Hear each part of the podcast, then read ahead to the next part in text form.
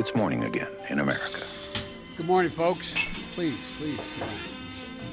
Come on, let's go. Let's go get some coffee. Thank you very much. Det er onsdag 27. september, og morgenkaffen fra amerikanskpolitikk.no er servert. I natt ble det klart at Roy Moore, den kristenkonservative og kontroversielle eks-høyesterettsdommeren fra Alabama, vant andre runde av det replikanske primærvalget mot Luther Strange i Alabama. Strange erstattet Jeff Sessions etter at han ble Trumps eh, justisminister, og Strange har da altså blitt støttet av den republikanske partieliten, med senatets majoritetsleder Mitch McConnell i spissen, samt av president Donald Trump, som også drev valgkamp for Luther Strange i Alabama. Men Moore tok 38,9% av stemmene mot Strangers 32,8% og Vi skal her høre et utdrag fra Roy Moores seierstale i natt.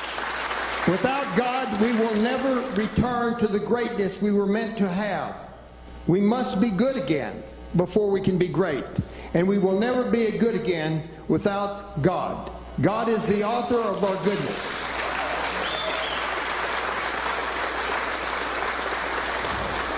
You know, I think that the voters of Alabama have just sent a powerful message to Washington, D.C. A resounding message can't be denied. Bare for å si bitte litt mer om Roy Moore, så tok jo han f.eks. ut en pistol på scenen kvelden før valgdagen, og i går så kom han ridende på hest til valglokalet. Begge kandidatene knyttet seg tett til Trump, men det er ingen tvil om at dette er et pinlig nederlag for presidenten. Han sletta f.eks. raskt noen av Twitter-meldingene sine der han kom med støtteerklæringer til Luther Strange. Eh, Det kan dere da se i dagens utgave av Morgenkaffen, og han kom da så raskt med en gratulasjonsmelding til Moore, eh, der han sier at det nå er viktig at han vinner i desember. Eh, Og du hører mer om valget i Ampolkast. Ampolkast har nå inngått et samarbeid med moderne media. Det innebærer at vi får podkaststudio i Oslo, at vi kan ha gjester i studio, og ikke minst at du nå finner Ampolkast sammen med Morgenkaffen i Spotify.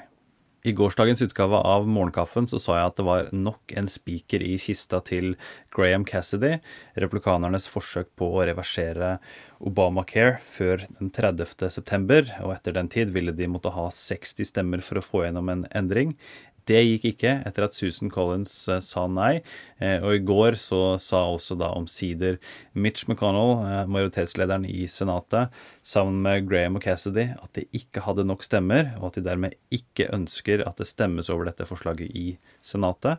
Og kista er dermed senka i jorda, og Obamacare lever videre.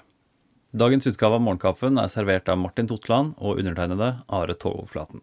Vi setter stor pris på om du tipser folk som kan være interessert i den podkasten her. Du abonnerer, som du vet, ved å gå til ampol.no kaffen. Du finner oss i iTunes, du finner oss i Spotify og alle andre podkast-apper. Dersom du har tips og tilbakemeldinger om hvordan vi kan gjøre morgenkaffen enda bedre, så hadde jeg satt stor pris på om du sender oss noen ord på morgenkaffen at ampol.no, og så snakkes vi i morgen.